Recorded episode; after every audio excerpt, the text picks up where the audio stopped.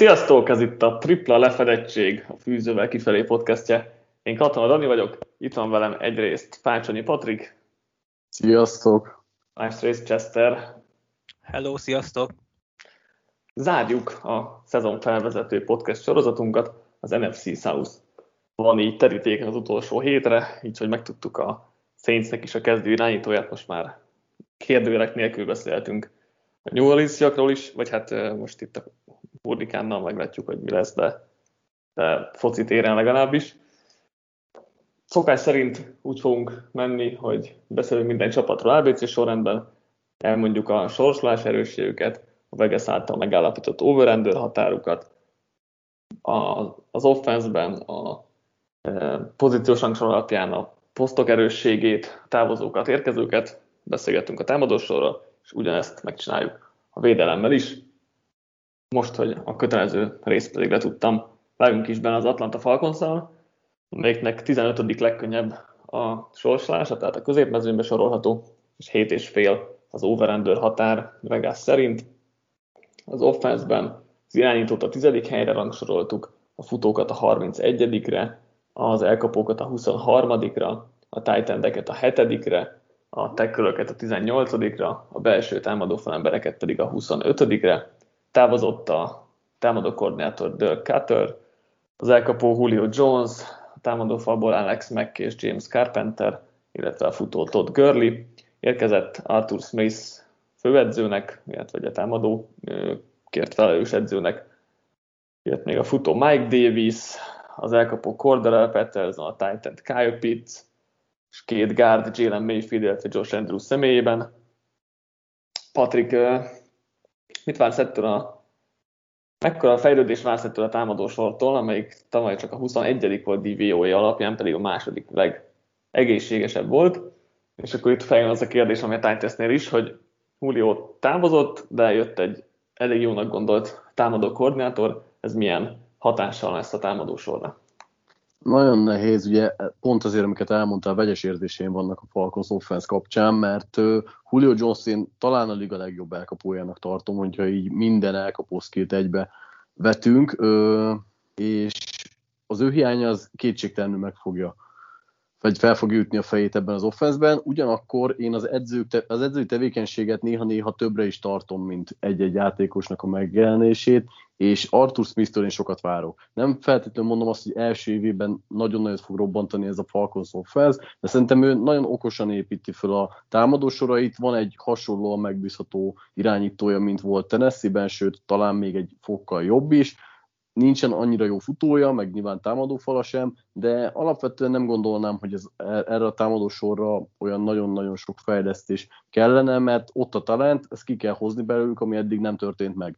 Én, én azt gondolom, hogy az év elején egy picit zök, ö, hogy, hogy fejezzem ki, ki magamat szépen, tehát az év elején egy kicsit döcögni fognak, de aztán szép lassan állnak össze a fogaskerekek, és egy fokozatosan fejlődő offense fogunk látni, amiben Kyle Pitts is majd szép lassan találja meg magát, a futójáték is valahogy működni fog egy sztár nélkül, úgyhogy egy minimális fejlődést, egy olyan top 15 végi offense azért én várok tőlük.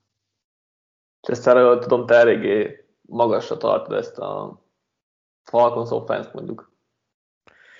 Így van, bár hozzáteszem, hogy azért Julio Jones egy kicsit rontott rajta, de én továbbra is kitartok amellett, hogy ez az offense szerintem jó lesz, még szerintem annál is jobban, mint Patrick prognosztizált.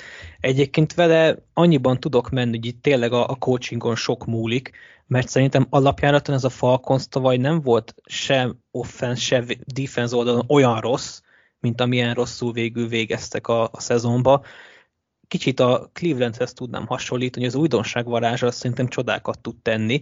Most, hogy ez a Queen rezsim is szinte mindenki az előző stábból távozott, egy új fiatalos lendülettel szerintem ez a csapat ez, ez nagyon jó lehet. Főleg, hogyha az, én azt írtam ki egyébként így a kis jegyzeteimbe, hogy a támadó oldalon csak 40-es vagy 40 év, kora 40-es emberek jöttek, míg a védő oldalra meg szinte mindenki 50 év felett, és sőt, van, aki már 60-hoz közel, és 60-on túl is. Ugye Dean Pease is 71 éves védőkoordinátor, Szóval itt érzek egy kis kontrasztot, hogy kicsit ilyen fiatalos lendületet akarnak a támadó sor, és ugye a támadó faledző és a futóedző is a kalicsból jött. Nem tudom, hogy ennek van-e jelentősége, vagy hogy ez, ez mennyiben hozhat újdonságot, de én izgatott vagyok ettől az Arthur Smith vezette offense-től. Egy érkezőt nem mondtál, a leglényegesebbet, tehát a, Falcon, a Falcons volt az a csapat, aki cserélt, hangsúlyozom, cserélt Lee Smithért egy blokkoló titan Szerintem ez egy kicsit. Én Rosen fogod mondani. Nem. Most nem, hatalmas, nem. hatalmas csalódást okoztál ezzel. Hát vagy inkább megleptek titeket, és, a hallgatókat és egy blokkoló titan hoztál ráadásul, még inkább meglepő, de adom, adom. Szóval ez szerintem kicsit elárul, elárulja azt, hogy a Titan bubus edző mire akarja fektetni a hangsúlyt, hogyha eddig a Kai Pitts és a Hayden Hurst sor nem lett volna erre elég.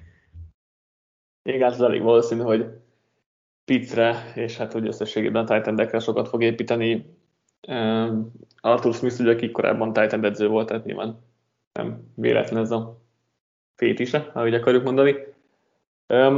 Ami nagy kérdőjel, hogy, hogy kicsit a negatív oldalát is hozzam itt a, a Falcons offense hogy, hogy mi, lesz a, mi lesz a futójátékkal, mert tavaly 29-ek voltak DVOA-ben, 26 a futásbokkolásban, és, és hát az nagyon kiütközött, hogy nem tudták lezárni a meccseket hatékony futójátékkal, mert 13-szor vezettek tavaly, 13 meccsen vezettek tavaly, és csak négyet nyertek meg ebből, és ilyenkor ki tud ütközni azért a hatékony futójátéknak a, a, a, a hiánya. Nyilván ez a kisebb rossz a, a futás és a passz közül, de azért ez is tud fontos lenni, hasznos lenni.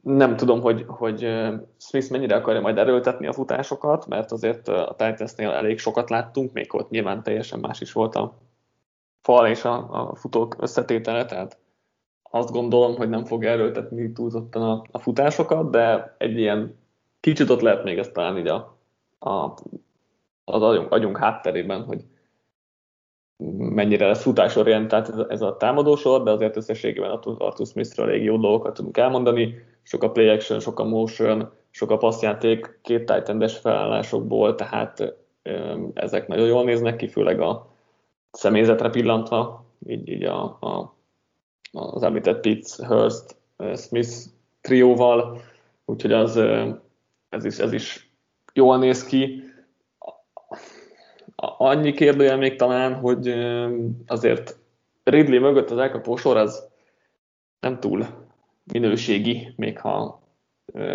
pizzet akár vehetjük is valamilyen szinten elkapónak, de azért vannak itt kérdőjelek kettejük mögött fegyverarznál tekintetében.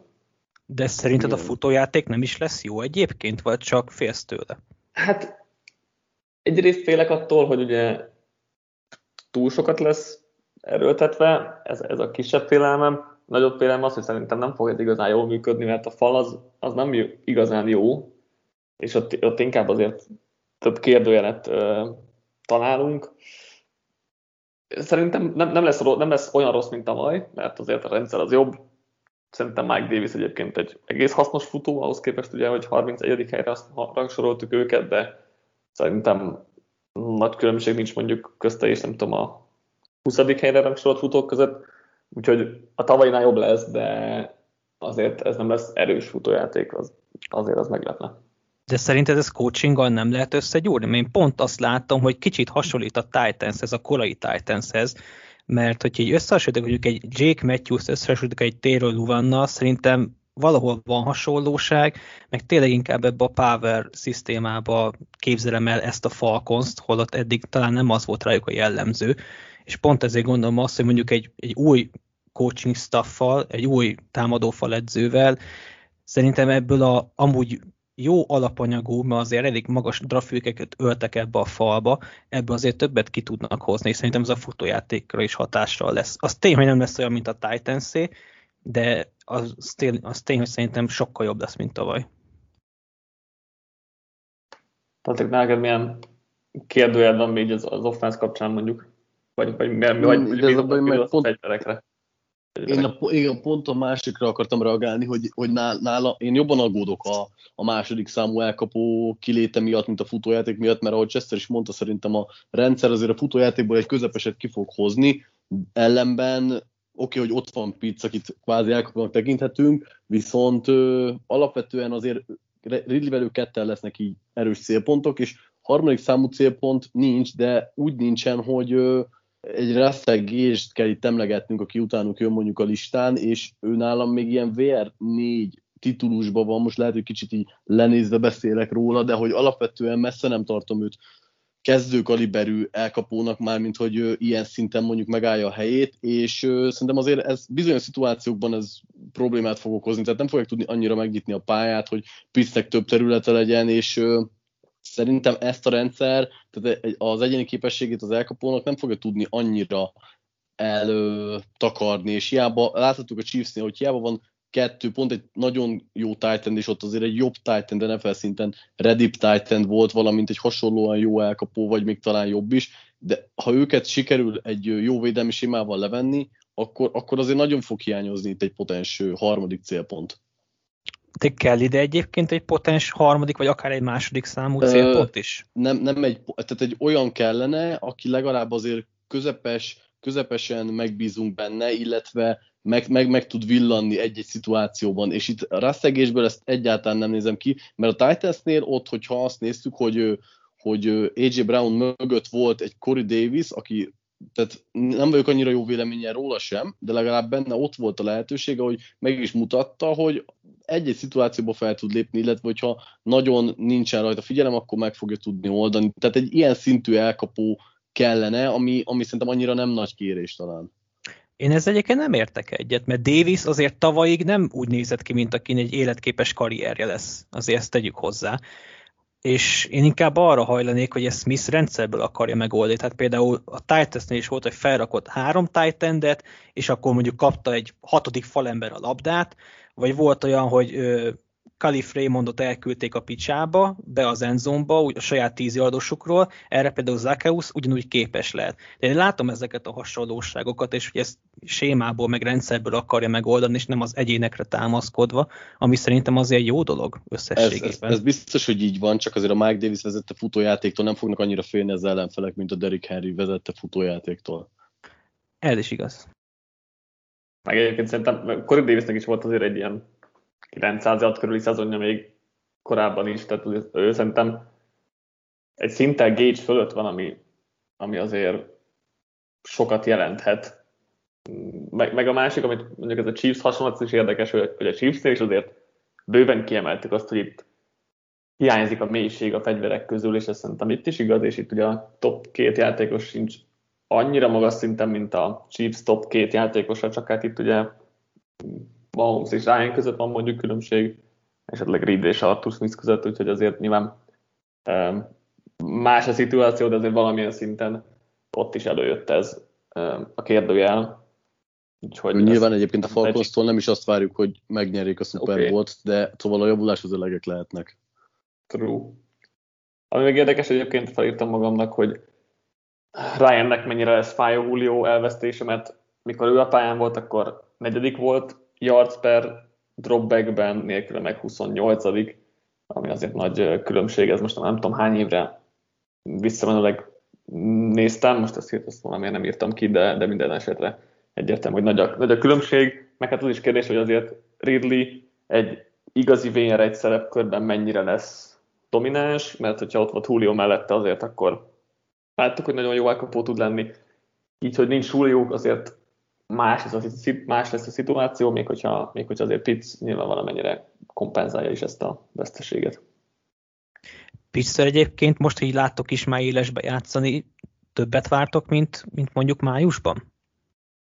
Azt nem tudom, de mondjuk a mm, Titan rekordra, újonc Titan rekordra rámehet, utóbbi tíz évben nem szerzett Titan 722 yardnál többet, az azért mondjuk nem lenne meglepő, hogyha ezt megdönteni. Én nagyon-nagyon szkeptikus vagyok egyébként vele kapcsolatban, és úgyhogy én szeretném látni, hogy megy neki a játék, mert ő... Hát olyan imádtad. Igen, ettől függetlenül azért, ettől függetlenül első évében nem feltétlenül várok tőle akkora robbantást, és lehet, hogy azért nem fog ő olyan elkapó skilleket ő, mutatni, mint mondjuk amennyire behypoltuk. Ettől függetlenül én azt várom, hogy jó lesz, hosszú távon mindenképp, és azt is, hogy idén is már jó lesz, csak talán nem annyira, amennyire, amilyen hype beszéltünk róla. Menjünk akkor a védelemre. Pesztesereket a 31. helyre rangsoroltuk, belső védőfalembereket a 15-re, linebackereket a 9-re, cornerbackeket a 22-re, safety a 27-re. Távozott a főedző Dan Quinn, illetve a védőkoordinátor uh, milyen Morris, miért nem írtam fel? Rahim. Rahim Morris, köszönöm szépen. Távozott még a pass Charles Harris, a belső védőfalember Ellen Bailey, a safety sorból Demonte Kazi, Keanu Neal és Ricardo ellen, cornerbackektől Darkes Denard, illetve Brady Blade Wilson. Érkezett ugye Dean Pease védőkoordinátornak, a safety sor alakult át, jött um, Eric Harris, Duran Harmon, illetve a draftról Richie Grant, illetve a cornerbackek közé jött Fabian Moro. Chester mit vársz a Dean Peace féle védelemtől? Ugye tavaly végül Morris irányítás alatt egész jól hajrázott a defense, és a 14. helyet sikerült megkaparintaniuk DVOA alapján, de azért nem biztos, hogy ez a leg, vagy ez a, ez a képünk róluk. Ellenben Dean Pizza szerintem ez, ez jobban nézhet ki, mint a tehetségek összessége. Erről mi a véleményed? Pedig én pont abban látom a kulcsot, amit Morrisnál mondta, hogy amint elment Queen, és elment az ő rendszere meg mindene, feljavult ez az egység. Pusztán azért, amit csak az offense is tudtam mondani, az újdonság varázsa. Tehát, hogy tényleg az, hogy egy, egy ilyen stílusváltás lenne, hogy ez egy gyökeres, mert szerintem Peace és Queen között azért elég nagy különbségek vannak felfogás terén. Már csak azért is, hogy lehet, hogy Peace átáll a 3-4-es védelemre, meg vele, vagy a hozzátartozó sémákra és társai. Szóval én hiszek abba, hogy ez a Falcons, annak ellenére nevek alapján ez borzasztó. Tehát tényleg, hogyha egyesével kéne szortírozni a neveket, nem sok, nem sok olyan nevet látunk, aki miatt lehet izgatottnak lenni, de hozzáteszem, hogy azért a Chiefsnél sem ez a helyzet, hogyha már Patrick az offense a Chiefs hozta hasonlóság, én pont a védelemre hoznám ezt, hogy igazából a Falconsnál is van az a maximum két-három mondhatni sztárjátékos, akire bíznak, ugye Jared, Dion Jones, én nagyon szeretem a másik két linebackert, bár nem tudom, hogy egyszerre pályán lesz nekem mindhárman, főleg, hogyha átállnak három-négyre. Úgyhogy én, én igazából ebbe bíznék. Most Piz 25-ére is visszavonult, és 26-ára is megszakította a nyugdíját. Nem tudom, hogy ez, ez róla mit mond el, meg mit nem, de az tény, hogy a szakértelme szerintem ez pont arra jó lesz, hogy ilyen köztes meccseken elég legyen ahhoz a védelem, hogy ne kapjanak ki. Igen, ugye Piz legutóbb a Titansnél edzősködött, ott az irányítása alatt 18 volt a defense, és miután elment, akkor 29 lett, úgyhogy ott is láttuk, hogy milyen jó szakember, meg, meg egyébként korábban is, is tudtuk ezt róla, úgyhogy hogy, ez egy elég jó igazolás volt Arthur Smith-től. Patrik, még itt a legnagyobb kérdője szerinted a védelemben? Egy picit én is dicsérni akartam előtte ezt a védelmet, mert tudom, hogy a preseasonből nem szabad kiindulni, meg főleg a cserék játszottak, de én pont azt láttam a védelmen, hogy mintha, és nyilván ez nem nehéz a tavalyi Falconshoz viszonyítva, mintha jobban tudná mindenki a dolgát, és jobban is akarja. Tehát én azt láttam, hogy harapnak, mindenki pontosan, precízen végrehajtja a dolgát, és ezt én nagyon nem láttam itt a, a tavalyi, meg a tavaly előtti szezonban sem, és már pusztán ezzel elérhető egyébként egy kicsi javulás. Alapvetően egyébként nekem tetszik az a pár erősítés is, illetve az a pár játékos, akitől én fejlődést várok, az, az szerintem biztató lehet a Falkosznak. Itt nyilván most nem arról kell beszélnünk, hogy ők egy top 10-es vagy akár top 15-ös egység lesznek, de hogy szerintem fejlődni fognak. Ami, ami a kérdésedre kanyarodva pedig a legnagyobb ö, hiányosság, vagy gyengeség, az, az viszont továbbra is a, a pass mert itt ö, Jareten kívül, hát nem tudom, diplomatikusan fogalmazva, nem annyira erősek a többiek, és nem is annyira ismert nevek, és lehet, hogy a rendszer valamennyit fog ezen segíteni, ettől függetlenül nem, ez nem tud annyira nagyon nagyot javulni, hogy pusztán, pusztán a, a rendszer nem fogja a játékosokat abban segíteni, hogy egy az egyben mindig nyerjenek, vagy fontos szituációkban nyerjenek, úgyhogy ö, alapvetően ebben nem várok olyan nagyon nagy fejlődést. Kicsit előrébb fog lépni ez a defense, én, én bízok ezért Peace-ben, meg a szakértelmében. Szerintem ez is egy ilyen, nem tudom, 5-10 helyes fejlődés hozhat talán idén. Igen, mm, mondjuk a, tizen, a évvégi 14. helyet nézzük, akkor azért mm, meglepő lehet egy uh, ekkora ugrás, főleg a tehetségi szintet figyelembe véve, de, de igen, ahogy mondtad, a Perszás nagyon kérdőjeles, és hát a cornerback sor, ahol hát AJ Terrell azt mondjuk, hogy oké, okay, mert tavaly mutatott egész jó jeleket elsőkörösként, de hát ugye tavaly minden cornerback, minden újonc cornerback nagyon gyenge volt, és akkor reméljük, hogy idén jobbak lesznek, de, de mondjuk Terrell mutatott jó dolgokat, de hát azért rajta kívül Fabian Moróval, Isaiah Oliverrel, Kendall Sheffield-del itt nem, nem, tudom, várhatunk-e bármit is ettől a cornerback sortól, mert ez, mert ez nagyon, nagyon lehangoló így, így, így ránézésre, úgyhogy ez egy nagy, nagyon nagy kérdőjel, hogy itt passzvédekezésben mire lesznek képesek. Nyilván PIZ rendszere majd valamennyit segít, valószínűleg elég sok emberezés, vagy több emberezés lesz, mint, mint Quinn alatt volt, vagy Morris alatt volt. Píz azt jobban szereti, blitz gyakoriság az azért átlagosnak várható, de, de azért uh, elég kreatív dolgokat látunk majd valószínűleg ettől a védelemtől, amiatt, amiatt miatt érdekes lesz őket figyelni. Ami segíti őket egyébként, hogy tavaly konkrétan a legnehezebb volt a sorsolásuk, idén uh, 22. lesz, úgyhogy egy, egy könnyebb dolguk lesz, ami, ami nyilván segített. Ami még talán érdekes ezzel kapcsolatban, hogy jól futó csapatok jönnek, úgyhogy jó lenne, hogyha nem lennének folyamatosan hátrányban, mert, mert akkor azt, azt kell fogni, és az sem, abban sem biztos, hogy jók.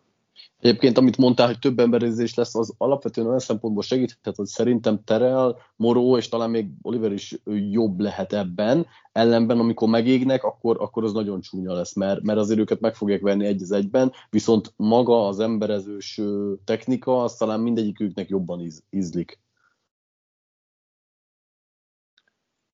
Van még hozzám fűzni való, vagy ugorjunk a jóslásra? Talán defense talán, talán egyértelműbb a defense azért, vagy, vagy jól körülhatároltak a dolgok. Van, van jó pár érdekességem itt a Falconshoz. Tavaly, hogyha fieldbe vezettek, akkor 9-ből csak 4 meccset nyertek meg. Az utóbbi 30 évben ez a hatodik legrosszabb mutató, hogy átlagosan 80%-ot nyernek így a csapatok. Tavaly 2-8 volt a mérlegük egy labda birtoklásnyi meccseken, és 0-4 field goal eldőlő meccseken. A mínusz 18 pont, mínusz 18-as pont különbségük alapján inkább egy 7 győzelmes csapatképét mutatták, mint egy 4 győzelmesét, úgyhogy masszívan alul teljesítettek. A sorsolásuk tavaly a legnehezebb volt idén a középmezőnyben, az offense sorsolás az nehéz lesz, ugye a védelmet mondtam, hogy az, az könnyebb. Az még érdekes, hogy tavaly a harmadik legegészségesebbek voltak, két éve az ötödikek, úgyhogy vagy tudnak valamit, vagy, vagy most ez, ez visszaesik, és hogyha az utóbbi valósul meg, akkor nagy bajok lehetnek, mert nagyon nem mély a csapat, nyilván valamilyen szinten a salary cap gondok miatt is. Illetve még egy, még egy adalék, hogy 17 meccsükből csak 7 lesz otthon, ugye egy hazait feladtak a londoni meccs miatt, és ugye az EFC kapott több meccset idén, majd jövőre kap az NFC. Patrik, mit vársz ettől a Falcons-tól a 7,5-ös eh, Vegas-i határ mentén. Hát ahogy eddig is hallatszódott igazából a véleményemből, hogy minden téren egy kicsi fejlődés, egy nem túl nagy, de egy olyan egy-két győzelmes fejlődést várok ettől a csapattól. Nálam ez over, szerintem idén először vagyunk úgy a falcons hogy nem nagyobbak az elvárásaink, mint amit teljesített a csapat, mert itt az elmúlt három évben mindig nagyon sok, nagyon-nagyon biztunk bennük, és végül mondjuk úgy, hogy leszerepeltek, most ez a coaching staff váltás, ez sokat segít majd. Hát most is bízunk bennük, aztán meglátjuk, hogy alul teljesítenek, vagy fölül. Chester... Igen, eddig úgy, ér, úgy értettem, hogy általában ilyen nagyon vérmes reményeink voltak, Aha. hogy akár megnyerik a csoportot, vagy playoff, vagy valami, ilyesmit azért nem várok. Chester, te mit jósolsz? Én is overrel megyek. én meglepődtem, hogy csak 7 és fél, lehet, hogy hülyeségnek tűnik egy, egy per négyes csapatnál, de szerintem ez a csapat már tavaly is inkább a 7 és félhez volt közel, hogy te is mondtad, nem a négy győzelemhez, úgyhogy én overrel megyek. Én is overrel megyek, mondjuk sokkal, tehát most még a 8 és félre talán overt mondtam volna, de, de nyilván a, a fölött már az, azért nehéz, nehéz volna ilyet. Bevállalom szerintem azért annyira nem jó a keret, hogy itt most nagy-nagy dolgokért küzdhessenek. Most, most kicsit megrekedt így ez a csapat szerintem középen, mert most nem is rebuild, nem is winnáó, szóval most lesz egy ilyen közepes szezonjuk, 8-9 győzelemmel, és akkor kijönnek a cap gondokból, és utána lehet valami. Csak hát ugye Ryan se lesz fiatalabb, úgyhogy hosszú távon még nehéz belőni szerintem ezt a Falcons, hogy, hogy mire lehetnek képesek. Idén szerintem az a 8-9 győzelem, ami náluk reális lehet. Carolina Panthersre megyünk, 13. legkönnyebb a sorsolásuk, piané szempontból konkrétan a legkedvezőbb, úgyhogy ez, ez nyilván segíti az ő dolgukat. Az over határ náluk is 7 és fél, úgyhogy erre fogunk majd jósolni. Az offenszben az irányítót a 31. helyre, rangsoroltuk a futókat az 5-re, az elkapókat a 19-re, a tight a 30-ra, a tekölöket a 25-re, a belső támadó falembereket pedig a 29-re. Távozott Teddy Bridgewater az irányító posztról, Curtis Samuel elkapó, Mike Davis futó, Chris Manhattan tight end, Russell Okung tackle, Michael Schofield guard. Érkezett eh, irányító posztra Sam Darnold, a támadó falba Cam Irving, Pat Elfline és eh, Brady Christensen, az elkapókhoz David Moore és a draftról Terence Marshall, a Titan-ekhez pedig Dan Arnold, illetve a draftról Tommy Tremble. Tavaly az offense az 17 volt DVOA alapján, és 11 volt passzorientáltságban. Joe Brady azért elég jó munkát végzett összességében. Chester szerinted sikerül valahogy feléleszteni Darnold karrierét, vagy mit várhatunk ettől a Darnold-Brady kapcsolattól? Nekem nagyon elegem van Darnoldból, mert amikor a draftra érkeztünk 2018-ba, én nem kedveltem, de ahogy nézegettem az előszezonba, meg a szezon elején is, elég inkább kezdtem elfogadni, hogy na, mégis olyan rossz, mint ahogy azt én gondoltam, még akár egy jó irányító is lehet belőle. Ennek, en, ennek örömére természetesen bebasztult, legalábbis úgy tűnik, hogy bebasztult, és nem vagyok benne biztos, hogy Darnold több győzelmet jelent, mint Bridgewater egyébként. Mert hogyha ezt a támadófalat nem tudják helyre rakni körülötte, akkor hiába egy bőven átlag feletti kisegítő személyzet, ami New Yorkban sose volt neki szerintem, támadófal nélkül Darnold nem fog jobb lenni, mint tavaly Bridgewater. Joe Brady ide vagy oda. Pacik, hogy látod ezt a helyzetet, illetve azt, hogy most azért Darnold karriernek a legjobb elkapó személyzete lesz egy álmagy rendelkezésére, ellenben a támadófal azért nem jobb, mint ami bármikor volt a Jetsnél. Igen, igazából jól elmondtátok a helyzetet, ugye. Pont ezt a két dolgot akartam kiemelni, hogy nekem, én nagyon-nagyon imádom ezt az elkapó személyzetet, szerintem nagyszerű dolgok lesznek képesek. Tehát Marshall például a slotba bemegy, akkor a mismatch lesz ott minden védelemnek már az, éve, az első évében is, hogy öröm lesz nézni. Ellenben én fontosabbnak tartom a támadó fal Darnold esetében, sokkal bizonytalanabbnak látom őt akkor, amikor nincsen megvédve rendesen, és hát úgymond improvizálnia kell, vagy sietnek kell, és hiába vannak jó elkapói, szerintem ez kevesebbet jelent az ő esetében, mint hogyha fordítva történne ez, már pedig ezzel a támadó falal én egyáltalán nem vagyok megelégedve. Ami nagyon sokat jelenthet neki, és segíthet neki, az ugye az, hogy McAfee most egészségesnek tűnik, ez reméljük így is lesz az egész szezon tekintve, és amennyiben kicsit sikerül a passzjátékot, illetve egy kicsit ilyen checkdown-szerű megoldássá alakítani McAfee szerepét is Darnoldnak, akkor, akkor ez levesz valamennyi terhet a válláról. Ettől függetlenül én félek ettől a projektől, tehát pont addig fog ez működni, még Darnoldnak a magabiztossága el nem megy attól, hogy nagyon sokat van nyomás alatt. Igen, egyetértek azért. E, fú, ez a fal, ez nem, nem sok rosszabb lenni a ligában, és egyedül ugye Taylor Moton az, akit, akiről pozitívan beszéltünk. Most, hogyha az újoncok, mint ugye Brady Christensen vagy Deontay Brown esetleg be tudnának állni, és jól tudnának teljesíteni, az sokat segítene, de nem tudom, ők mennyire állnak készen. Én valószínűleg Christensen már most beraknám, már csak azért is, mert Peter Flyne, vagy hát inkább Cameron Irving, aki előtte van ugye tackle poszton, akitről pontosan tudjuk, hogy semmire se képes, úgyhogy sokat nem lehet veszteni azzal, hogyha Christensen küldik pályára. Ezt lehet, hogy belőle se lesz semmi, de, de rosszabb nem nagyon lehet, és végül igazából Deontay Brownnal is hasonló helyzet, akár Elflein, akár John Miller helyén gárdban. Mm, ne, nehéz ilyen szempontból jó dolgokat várni, mert ez biztos, hogy egy, egy bottom 5 fal lesz idén, tehát ez nehéz ezt elvitatni, vagy, vagy nehéz jobb dolgokat belátni igazából, és ez, ez nagy problémákat jelent Dardomnak, aki egyébként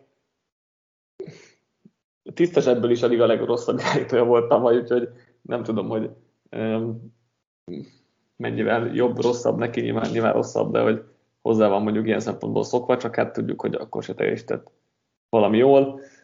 Szerintem összességében az offense az hasonló helyen végez majd, mint tavaly itt a középmezőnyben, csak máshogy fog kinézni Darnoldal, tehát valószínűleg több lesz a nagy pozitív játék, és több lesz a nagy negatív játék is, mint, mint Bridgewaterrel volt. Ami még egy kérdőjel nekem, vagy, vagy tavalyi furcsaság, hogy az edzői stáb azért elég tapasztalatlan, és tavaly nem, Teddy Bridgewater elmondása szerint nem nagyon nyomtak red zone játékokat, two minute drilleket az edzéseken, ami azért elég fura, és elég rosszak is voltak ebben, úgyhogy um, el tudom hinni Bridgewaternek, hogy nem volt ez, ez igazán fókuszban. Um, nem, nem tudom, mit gondoljak még így ilyen szempontból rúlékról. Meglátjuk.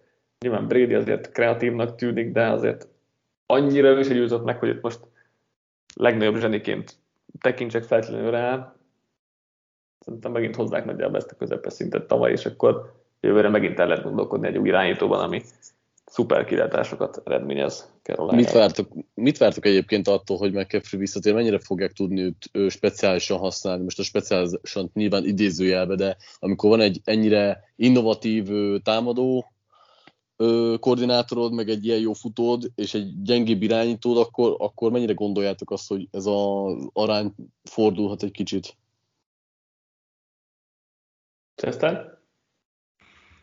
Mm, szerintem abszolút fogják tudni használni, és nem feltétlenül csak McCaffrey miatt, hanem Chubb, Chubb uh, Hubbard személyébe van egy tök jó cserefutó, aki miatt én szintén izgatott vagyok, és, és Mike Davishoz hasonlóan ő is képes lehet úgy játszani, ahogy tavaly, Davis, mikor McCaffrey hiányzott, és nem tudom, hogy mennyire lesz az, hogy egyszerre ketten is fenn vannak a pályán, és akkor mondjuk McCaffrey-t beküldik valamilyen elkapó pozícióra. Én szerintem Brady kezei között egy ilyen sokoldalú játékos csak hasznára lehet Darnolnak. Itt tényleg az a kérdés, hogy mennyire lesz komfortos a mögött, a fal mögött, de egyébként a hírek szerint az atomkatasztrófát elkerüljük, mert Christensen elvileg már beelőzte Irvinget a depth charton leftekölként. Hát lemaradtam akkor ezek szerint. Még nem hivatalos, csak pont adás előtt nézegettem így a Twittert róla, és nagyon meg voltak vele elégedve. Jó, menjünk akkor a védelemre. A perszlesereget a 15. helyre rangsoroltuk, a belső védőfal embereket a 21-re, linebackereket a 22-re, a cornerbackeket a 20-ra, safety-ket a 29-re. Távozott cornerback sorból Russell Douglas, a védőfalból Stephen Wedderly, Kevin Short, illetve F.E. Obada, linebackerektől pedig Tahir Whitehead. Érkezett a drafton JC Horn, a cornerbackek közé, a védőfal közepére Daquan Jones, illetve Morgan Cox, ők meg ugye a piacról, és a, a pass rusher Hasson Reddick, illetve a linebacker Denzel Perryman jött, de ő ment is. Ment, igen, ő már tovább is ment. És egyébként breaking news, most cseréltek Daryl Johnsonért a bills Egy pár perce jött a tweet. Na hát, akkor... Akkor egyből, egyből ugrott a pozíciós rangsorba ezt a védőfal. Igen. Visszafele. Óriási ugrott előre. Tavaly tényleg ez a védelem 24. volt DVOA-t tekintve, 23. passz ellen és 20. futás ellen. Chester, mit vársz, mit vársz ettől a defense-től? Én, hogy őszinte legyek semmit, és én pont azt látom, hogy senki nem vár tőlük semmit, mert én, én azt veszem észre, hogy itt egy dolog most a fontos, hogy ez a fiatal mag, ami kialakult Burns-el, Brown-nal, Chinnel és Hornal, meg mondjuk Jacksonnal, aki bár mondjuk free agent lesz, lehet, hogy jövőre már nem lesz itt, hogy ez a négyes és vagy ötös, ez legyen jó. Minden más szó szerint le van szarva, szerintem. Tehát itt az a lényeg, hogy ebből a négy játékosból kihozzák azt a potenciált, ami bennük van, és hogyha ez egy alapja lesz ennek a védelemnek, akkor ott, ott a csodát láthatunk. Nekem semmi más elvárásom nincsen ezzel a védelemmel kapcsolatban. Egyébként alapvetően nagyon jó az az építkezési stratégia, tehát van egy nagyon jó pass vagy egy nagyon potenciálisan jó pass rusherük Burns személyében, Derek Brown jó lehet a fal közepében, szintén valamilyen pass rush skilleket kialakítva, és ha beválik a számításuk, miszerint Hornból kijön az a lockdown emberezős corner, akit szeretnének, akkor, akkor Csinnel, aki pedig egy, egy igazi hát chess piece ott a védelem hátuljában, nagyjából ilyen alapokra kell egy védelmet építeni, csak az az egy baj van ezzel, hogy talán mindannyiukra elmondhatjuk, hogy egyelőre inkább potenciál van bennük, mint hogy valódi teljesítményt is letettek az asztalra. Most tudom, hogy itt Burns is, meg Csin is nagyon szép dolgokat csillogtatott meg, de egyelőre erre nem lehet azt mondani, hogy ők valódi sztárok, és nyilván ez, ez hosszú távon kell, hogy majd kijöjjön, és ezért nem várok én se semmit tőlük még idén. Tovább kéne, hogy fejlődjön akár mind a négy játékos, a többiek hozzanak egy nagyjából elfogadható teljesítményt, és itt egyébként fontos lesz az, az is, hogy a, a rendszerbe a többiek helyét is megtalálják, mert tőlük tényleg nem kell sok. Mindenki, mindenki tegye le a, az asztalra, amit tud, a, a potenciális sztárok pedig majd majd meg fognak csillanni. És nem is azt várjuk tőlük egyelőre, hogy mérkőzéseket hozzanak, menedzseljék el úgy nagyjából, ne csináljanak óriási hibákat, úgyhogy szerintem az építőkövek, ahogy Chester is mondta, alapvetően nagyon jók, viszont ö, még nem láttunk talán senkitől semmit. Annyiban vitatkoznék, hogy szerintem Brian Burns már most egy rohadt jó játékos. Egyetértek. Tavaly azt hiszem negyedik volt Peszres Migrétben, és szerintem belőle idén úgy ki fog jönni az állat, hogy azt élmény lesz nézni de egyébként ezen kívül egyébként mindennel egyetértek én is. Ugye még az, a, ugye a házszalredik igazolás az egész érdekesnek tűnik, róla alatt játszott ugye Temple is, és, és kíváncsi leszek erre a cornerback sorra, mert, mert nem néz ki rosszul ez a Horn, Dante Jackson, AJ Bouye trió, mert meglátjuk Horn hogyan bírja ugyancként, de, de azért egész jól tűnik nekem ez a corner építkezés most ahhoz képest, hogy összességében mit látunk a e, Falcons védelmétől.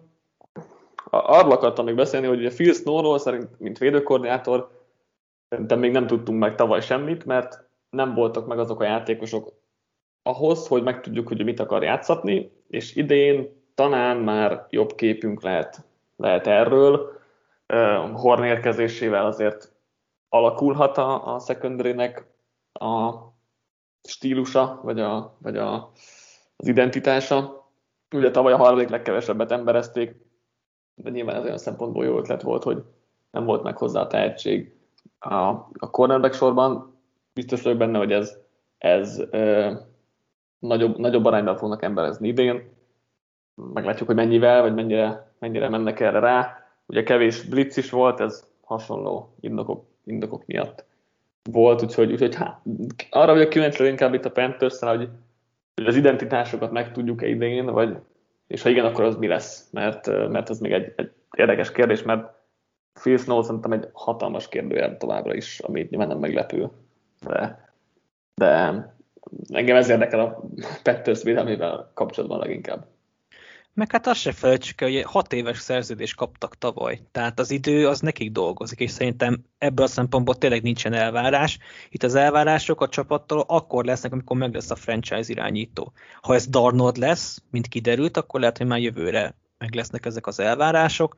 Ha nem, akkor szerintem addig nem is várnak el itt nagy dolgokat, csak hogy tényleg az alapok legyenek meg. Amiben meg szerintem tök irányba haladnak mindkét oldalon.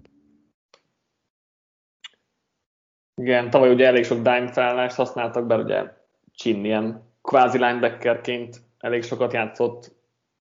Kíváncsi vagyok, hogy ő előre tud-e lépni egy, igazi sztárrá, mert azért elég hullámzó volt a játéka nagyon sok hibával és, és sok nagy játékkal. Nyilván, hogyha utóbbit azt, vagy az előbbit le tudja csökkenteni, akkor, akkor belőle is egy nagyon-nagyon jó játékos vállalat itt akár már idén, úgyhogy tényleg, hogyha ha azok a pozitívumok, amiket láttunk tavaly, azok tovább erősödnek, akkor jó képen lehet itt hosszú távon, vagy jó alapjai lehetnek, ahogy Patrik is mondta itt ennek a mindenemnek. Jósoljunk akkor. Hét és fél volt ugye a határ, mondok még gyorsan pár statisztikát. Egy labdabirtok, egy labdabirtoklással eldőlő meccseken 3-8 volt a mérlegük, field goalnyi különbséggel eldőlő meccseken 0-3, fumble luckban 29-ek voltak, field goal luckban pedig 31-ek, úgyhogy um, elég um, szerencsétlenek voltak. Az offense sorsolásuk az nagyon nehéz, a védelem egy kicsit uh, könnyebb az átlagnál. Um, és az első hat héten egyébként a legkönnyebb lesz a sorsolásuk összességében, utána viszont a harmadik legnehezebb, úgyhogy fele másra sikerül ez a szezon ilyen szempontból. Aztán meglátjuk meg nyilván, hogy, elvár, a várakozásokhoz képest hogyan alakulnak a csapatok erősségei. Szóval 7 és fél, Chester, mit jósolsz erre? Ugye tavaly öt győzelmet szereztek, és azzal kezdtem, hogy vajon Darnold mennyivel jelent több győzelmet, mint Bridgewater. Most oké, hogy egyet több meccs van, de vajon elég ahhoz ez a csere, hogy három extra győzelem legyen, és akkor mondjuk a hét és felett overre mondjam? Szerintem nem, úgyhogy nem miatt undert mondok. Patrik? Én is az Andorra megyek, nálam nagyon egyszerű az ok, én, én Darnoldba egyszerűen nem bízok, szerintem egyáltalán nem lesz előrelépés, és noha fejlődni fog a defense tovább, de nekik hosszú távon van meg itt a szerepük, úgyhogy idén még Andor. Egyedértek én is, szerintem összességében, ahogy mondtam, az offense az, ha más stílussal is, de hasonló hatékonysággal fog összességében dolgozni. Védelemtől azért javulást várok, de nem akkorát, hogy ez, ez ennyi győzelemben és kvázi pozitív rekord, vagy pozitív mérlegben, jó, mondjuk a 8-9 az még, még pont negatív, de, de hogy ez ennyi, ennyire felmenjenek, szerintem ez a 6-7 győzelem lehet Panthersnél a, a, a reális. Ha, ha Darnoldba valahogy Bradynek sikerül kihoznia egy 20. helyet az irányítók között, mondjuk, vagy 16 akkor viszont azért azt át lehet lépni. A playoff azt talán még úgyis messzinek tűnik, vagy hát nehezen elérhetőnek, inkább így fogalmazok. New Orleans Saints-re kanyarodunk, negyedik legnehezebb a sorsolásuk, 8 és fél az over határ. Az irányítókat a 24. helyre tettük, ugye ekkor még nem tudtuk, hogy Winston vagy Hill fog kezdeni, futókat a negyedik helyre raktuk, az elkapottokat a 21-re, de ugye, hát ha Thomas nélkül néznénk, akkor ez valószínűleg a 32 lenne, talán a 31 A titan a 26-ra, a tekülöket az elsőre, a belső támadó felembereket pedig a 14-re helyeztük, vagy rangsoroltuk. Távozott ugyebár Drew Brees, visszavonult, eligazolt Emmanuel Sanders az elkapóktól, Jared Cook a titan illetve a támadófalból Nick Easton, érkezőknél pedig egy egy szem Nick Venettet írhatunk fel a titan közé. Ú, kérdezhetek most én egyet először? Kérdez. Csak hogy változatosság legyen, meg hogy ne csak te kérdezzél, mindig szerencsétlen. Kérdez. Van egy teóriám, kicsit független az offense-től, de hogyha már Brice említetted, hozzá kapcsolódik. Szerintetek Mickey Loomis megbukott, mint general manager? Megmondom miért, mert az utóbbi három, vagy inkább négy évet arra tették fel, hogy Brice legyen még egy Super Bowl és ez nem jött össze. Ez a legegyszerűbb ok. És ha megnézzük a, a keretet, ugye voltak erről viták, hogy ahhoz képest, hogy mennyi, mennyi pénzt kellett nekik besúfolni a cap alá, ezt megoldotta, minimális emberek, minimális mennyiségű emberről kellett lemondani, és még lett is annyi pénzük, hogy mondjuk egy Shermannel, vagy egy Sherman kaliberű játékossal akár erősítsenek. Ővék volt az utóbbi négy évben a legjobb mérleg az alapszakaszba, de akkor is ott van, hogy feltettek mindent egy lapra, és nem sikerült a Super Bowl. Ez szerintetek bukás, vagy nem? Hát szerintem a szény szempontjából bukás, most, hogy ez szerintem ezt pont nem Miki Lumis nyakába kell varni abban a szempontból, hogy egy olyan keretet összerakott, amivel a legjobb mérleget tudták elérni ez Dobby pár évet tekintve, és akkor most, hogy az Breeze-nek a ö, bukása, vagy Paytonnak a bukása, vagy leginkább senki csak rosszul alakultak a dolgok, ezt most így nehéz lenne szerintem elosztani a, a hibák arányát. Szerintem az inkább összességében a Saintsnek a bukása, mint sem mondjuk egy general managernek. Abszolút egyetértek, még annyit tennék hozzá, hogy szerintem még, hogyha nagyon all is megy egy csapat, azért a, az NFL rájátszás úgy van kitalálva, hogy tényleg elég egy rossz nap, akár rossz 10 perc az, hogy elbújt, és nem tudsz egyáltalán biztosra menni, nem feltétlenül varnám itt senki nyakába az egészet, és a, a csapat, mi is végig úgy beszéltünk róluk, hogy lényegében ott volt. Tehát össze volt téve ez a, a csapat az elmúlt három, sőt ki tudja mennyi évben arra, hogy, hogy megnyerjen egy Super Bowl-t. Nem azon múlt, mert nem voltak meg a, a sakk elemek ehhez, hogy ezt beteljesítsék. Akkor kérdezek újra én. Chester, mit, nem most Patrik jön. Patrik, mit gondolsz erről a támadósorra így, hogy James Winston kezd, most már ezt biztosan tudjuk. Szerinted mire lehet ő képes ebben a, a, a Buccaneers-től teljesen eltérő offenszben, a szemműtétjével, meg mindennel együtt, ami itt van? Alapvetően én nem vagyok egy nagy Winston fan, nagyon nem szeretem az annyira inkonzisztens irányítókat, mint, mint amilyennek őt megismertük. Sean Payton kezéje alatt azért valószínűleg beállhat egy valamilyen fajta fejlődés, amiért mégsem bízok ebben az egészben, mert eddig azt fogtuk meg a Saints-től, hogy volt egy nagyon-nagyon pontos irányítójuk, aki nagyon stabil volt, kevés, kevés olyan hibája vagy pontatlan dobása volt, ami, ami pontok, drive-ok mehettek el, és erre volt fölépítve teljesen ez az offense, most ez nem lesz meg, és Winston még ráadásul kisincs segítve annyira, mert ahogy mondtad, itt Michael Thomas nélkül ez, ez az elkapósor nagyon rosszul néz ki, még akkor is, hogyha most uh, úgy néz ki, hogy uh, Marcus Callaway. Igen, kell, Marcus callaway akartam mondani, igen, köszönöm. Jól néz ki, ettől függetlenül egy két előszezon meccsből egyrészt nem akarok levonni nagy következtetéseket, másrészt még, hogyha feltesszük, hogy ő mondjuk elő is tud lépni, akkor is soványka ez a sor, tehát ö, egyszerűen nincsenek meg azok a fegyverek, amik kelleni fognak ahhoz, hogy itt szerintem ez az offense nagyon jó legyen. Ha tisztán Winston nézzük egy burokban, akkor lehet, hogy elmondhatjuk majd évvégén azt róla, hogy fejlődött. És mi, mi a nagyobb probléma az elkapósor Thomas nélkül, vagy az irányító poszt? Szerintem az elkapósor Thomas nélkül az nagyobb probléma. Chester egyetértesz egyébként? Csak az egy érdekes kérdés viszonylag. Ezzel a résszel igen, mert szerintem Payton meghozta a helyes döntést, és Winston kellett kezdetnie, mert passzjátékba sokkal többet tud hozzányújtani, mint Taysom Hill, úgyhogy szerintem ez, ez nem vita. Meg hát kellett is ugye Taysom Hill a elkapó sorba, mert hát nincs más ember, aki be tud állni, úgyhogy vagy hát a az, az is igaz. úgyhogy igen. Amúgy a PFF podcastben vetették fel, hogy a Buccaneers-től hány elkapó lenne jobb az össze, bármelyik Saints elkapónál most Thomas hiányában.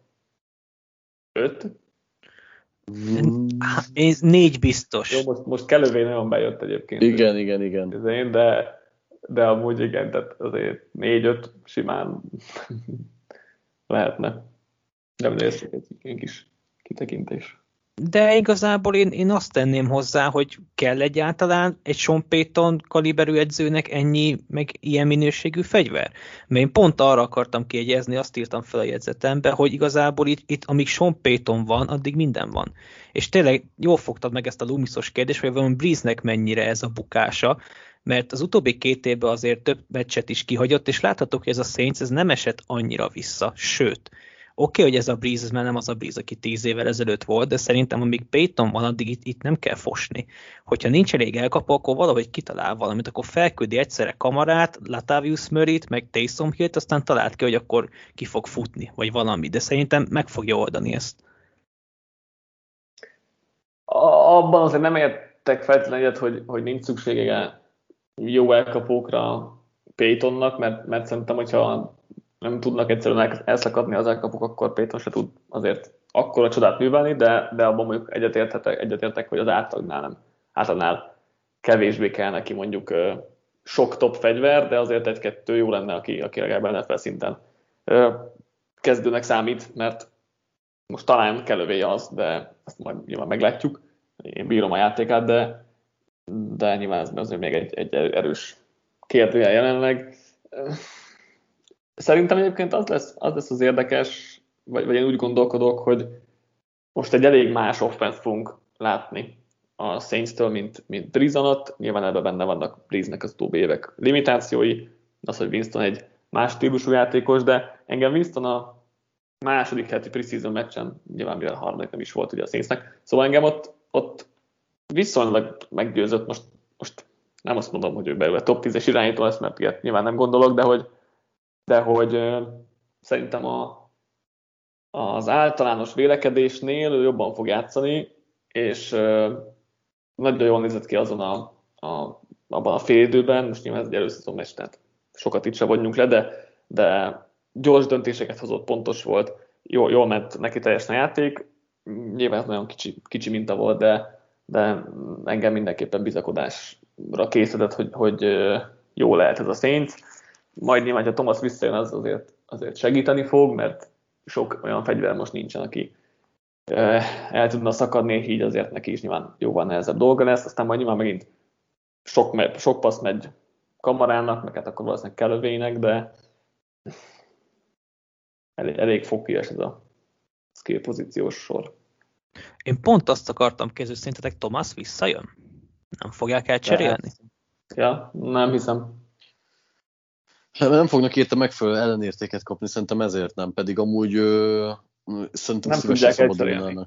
Nem tudják ja, azt, azt nem is néztem egyébként, hogy, hogy valami troll. cserélhető lenne. De idén, idén, idén nem elcserélhető, úgyhogy szerintem idén nem fogják. Jövőre akár elképzelhető is. Hát konkrétan 22 millióval posztjunk át, akkor nullára jönnek ki, hogyha most kivágják az idejébe, nullára jönnek ki, de hát jövőre még be kell nyelni tizen akárhány milliót, ami jövő évi helyzetet elnézve nem túl biztató, úgyhogy szerintem ez, ez kvázi kizárt a szerződése miatt. Az egy másik kérdés, vagy ami szerintem érdekesebb kérdés, hogy vajon a Saints cserél egy elkapóért így a szezon elején, vagy itt a, a katok közben, ami aztán lehet, hogy mire ezt hallgatjátok, már meg is történt, de mondjuk nem lehetne meg egy ilyen, ilyen trade.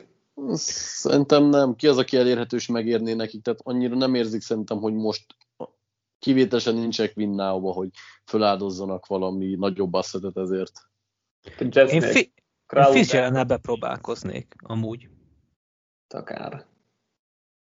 Azért van, van, voltak most olyan elkapók, akik így, hát jó, nem, nem top elkapok, nyilván most nem arra gondolok, de mondjuk egy ilyen közepesen használhatót szerintem tudnának szerezni, vagy bepróbálkozhatnak egy John Brownnal, hogy a hosszú labdákat, vagy, a, vagy egy hát, De most egy John Brown mennyit? Tehát, hogyha egy hetedik körét odaadják nekik, akkor igen, de amúgy Nagyjából amúgy, nem, amúgy meg nem sokat számít. Nagyjából a kivágás szélén van. Igen, igen, igen. Úgyhogy végül nyilván most valamire. Hát jobb lehet, mint egy jelenlegi, nem tudom, Ty Montgomery, vagy Lil John, Jordan Humphrey, aki most itt negyedik szám, harmadik negyedik számú elkapónak. Tehát még egy Traquan smith sem érzek kirobbanthatatlannak a kezdőből. Még nem biztos egy John brown de, de, de én nagyon örülök, hogyha valaki cserélnek. Most akár lehet egy Denzel Mims is, vagy lehet még itt egy-két nevet találni. Mondom, én azon a párton vagyok, hogy egyáltalán nincsenek abban pozícióban, hogy, hogy nagy asszetet adjanak egy elkapóért. Esetleg tényleg egy ilyen kisebb név, ha úgy gondolják, hogy most minden, minden név számít, hogy most egy John Brown, hát nem tudom. Tehát akkor Nekem Jameson lehet... Crowder tetszene egyébként, Igen. a Jets elcserélni. De nem fogják szerintem. Hát, ha, ha Mims nem lenne nagyon hullaszar, akkor lehet, hogy elcserélnék, de így nem lesz. Elijah Moore-ra szerintem helyettestető lenne Crowder, és nyilván majd meglátjuk. Jövőre úgyse lesz ott már Crowder, tehát igazából még lehet, hogy most érdemes lenne eladniuk. Most nem tudom, mennyit kérhetnek érte. De most ez talán túl off topic. Nagyon sokat, egy, szerintem nagyon-nagyon sokat egyébként nem kérhetnek térte, de, vagy, de majd ezt tárgyaljuk ki máskor. Igen, igen. Amit még ki akartam emelni, talán, hogy Sean Paytonnak a zsenialitásáról beszéljünk, hogy ez dobja 5 évben a Saints hatodik legtöbbet passzolt első kísérletekre, ebből fakadóan a Saintsnek kellett megtenni a legkevesebb adott a második és harmadik kísérletre is, ebből fakadóan pedig a legjobb harmadik kísérletes uh, sikerességi rátája volt a Saintsnek, úgyhogy uh, talán ez jól mutatja, hogy, hogy Sean Payton milyen jó támadó edző is, még hogyha sokan nem is szeretik ilyen-olyan dolgai miatt, de, de a, a, azt nehéz elvenni tőle, hogy a támadókhoz nagyon ért. Falról nem beszéltünk, de gondolom ugyanazért, vagy gondolom azért, mert sok kérdője nincsen, sőt, biztos, hogy jól fog működni, futójáték jól fog működni, úgyhogy az az egy kérdője van, hogy az elkapók ki tudják nyitni eléggé a pályát ahhoz, hogy a, a védelmet tudjon berendezkedni egy, egy futás elleni játékra, de, de, de ezen kívül ezzel gondolom nincs senkinek kérdőjele. Ugorjunk a védelemre, a Pestrassereket a 9. helyre rangsoroltuk, a belső védőfalembereket a 28-ra, a linebackereket a 15-re, cornerbackeket a 10-re, safety-ket pedig a harmadikra. Támozott a védőfalból Malcolm Brown és Sheldon Rankins, Pestrasserek közül Trey Hendrickson, linebackerektől Alex Anzalone, cornerbackektől Janoris Jenkins és Patrick Robinson, érkezett a Pestrasser Tano Passagnon, hát érkezett és távozott is a cornerback Brian Poole és Prince Amukamara, és a draftról jött a pass Peyton Turner, a cornerback Paul Sonadebo és a linebacker Paul, Pete Werner. Tavaly ez a védelem DVOA alapján a második legjobb volt. Zsinórban négy évben vannak a top 10-ben. Chester vársz itt egy visszaestést ebben, vagy hogyan fog kinézni ez a defense, azért gyengültek, még ha mondjuk azt, hogy nagyobb részt mélységben is. Lelőtted ezt a DVO-i cuccot, pedig direkt ezzel készültem. Ajjaj. Bocs. A bocs az állatkertben. Én ezt mondtam mindig az edző, mikor kirúgtok a picsába a labdát edzésen. Én arra akarom kihegyezni, hogy akkor ez alapján elmondhatjuk, hogy Denis Szeren a legalulértékeltebb védőkoordinátor a ligában, mert szerintem igen. Nem tudom, ezzel egyetértettek-e, vagy nem. Mert hogyha... Kettőt biztos, hogy végig nézem, de az egyikben ott lehet, igen. Hát figyelj, utóbbi négy évben ott vannak a legjobb tízbe DVO-i alapján, és fel sem merül a neve, hogy mit tudom én a top védő koordinátorok között, hogyha fel kéne sorolni, nekem is jutna eszembe. Tehát azért mondom, hogy tényleg így, így radar alatt mindenki az offenzre figyel, meg Paytonra, de időközben meg még azért lehet ilyen jó ez a Saints, és azért tudtak az utóbbi négy évben a legjobb alapszakasz csapat lenni, mert volt egy stabil, sőt, bőven stabil védelem Denis ennek hála. És hogyha így visszagondolunk az utóbbi négy évben, 2017-ig, nem igazán voltak sztárok itt. Tehát Cam Jordanen kívül nem tudsz olyan játékos mondani, aki stabilan hozta a magas szintet. Mert Demario Davis is az utóbbi két évben lett észrevéve jó formán, Letimornak meg Williamsnek az újonc éve volt kimagasló, mint ahogy az egész 2017-es klásznak is, Hendrickson is tavaly robbant be, Davenport meg azóta se robbant be, szóval szerintem kitűnő munkát végez ellen, és pont ezért gondolom azt, hogy ha vissza is, esik, vissza is esik a védelem, ha jól emlékszem, tavaly második volt, azt mondtad, vagy harmadik? Második. Második. Hát onnan biztos, hogy vissza fognak esni, de lehet, hogy itt is adni lesz a visszaesés, hogy visszaesnek a tizedik helyre mondjuk. Az meg visszaesésnek visszaesés, de nem akkor a zuhanás, mint amit mondjuk elvárnánk. Úgyhogy szerintem ez a védelem továbbra is hozni fogja ezt a stabil szintet, még így megtizedelve is. Patrik, te hogy látod? Mi itt a nagy kérdőjel mondjuk? Mm, akartam közül, hogy abszolút egyetértek. A nagy kérdőjel egyébként egyértelmű a cornerback poszt, tehát ez nálam mm. nagyon-nagyon vékony, mert ugye Latimorban nem tudom, hogy mennyire lehet bízni. Ö, hát mostanában inkább azt, azt kell látnunk, hogy egyre kevésbé. Rajta kívül meg a többiek számomra nem az átlagos kezdő kategória, hanem inkább a gyenge kezdő kategória. Tehát most ki lesz a másik oldalán a, a kezdő hirtelen, azt se tudom. Hát Ken Crowley valószínűleg. Uh, igen, én is. Hát az, az, az, már az, az, régen rossz, igen. Tehát hát vagy ugye Paul mint harmadik körös lehet. Igen, igen, igen, igen, ő meg egy abszolút kérdőjel, vagy boomer bust dolog lehet, úgyhogy nálam ez, ez a cornerback sor, ez kimondottan aggodalomra adhat okot, és uh, nem is ért, illetve hát próbálkoztak itt kornerekkel, ugye megfordult itt Amukamara is például, ha jól emlékszem, igen. csak kivágták, de nem. kivágták, igen. igen. Még, még hogyha Latimor be is válik, mármint úgy értem, hogy beválik, hogy mondjuk visszatalál a közelébe az egyik legjobb formájához, akkor is ez nálam gyenge, mert mert akkor, akkor van egy kezdőszintű kornerük, és hát kellene három, vagy legalább kettő. Nem biztos, mert azért CJ Gardner Johnson szerintem slotba tök jó lehet. Uh-huh. Amúgy, csak ugye ez a szélre kevés. Egyébként ne legyen a szigorú Patrick Letimornak, két jó meccse biztos lesz, amikor Mike Evans ellen játszik. Több nem. Jogos. De úgy, igen.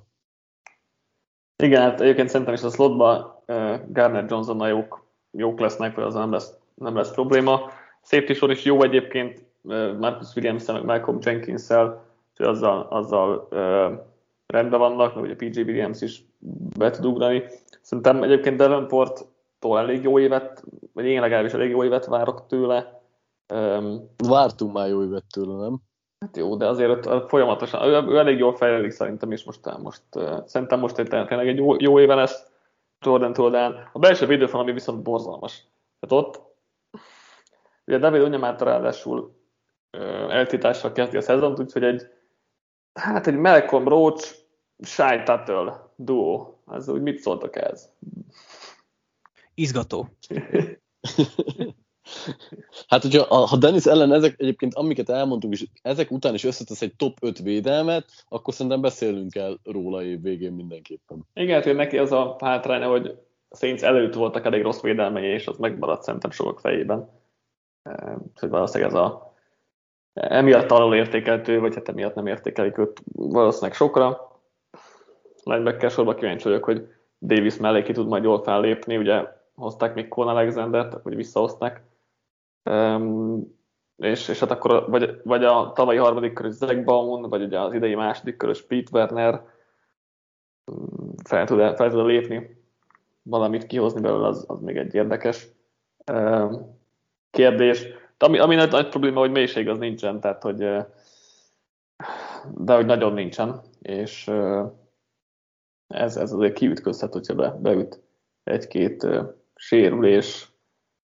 Hogyha bocsánat, csak még annyi, annyi gyorsan, hogy ha a rendszert akarjuk nézni, akkor tavaly a tizedik legtöbb emberezés volt, emberezést hívták, split high safety jobbak voltak, mint, mint single high-ban, és átlagos volt a blitz arányuk, de azokat meg jó hatékonysággal oldották meg, csak ezt akartam még gyorsan, hogy Chester, mit szerettél volna?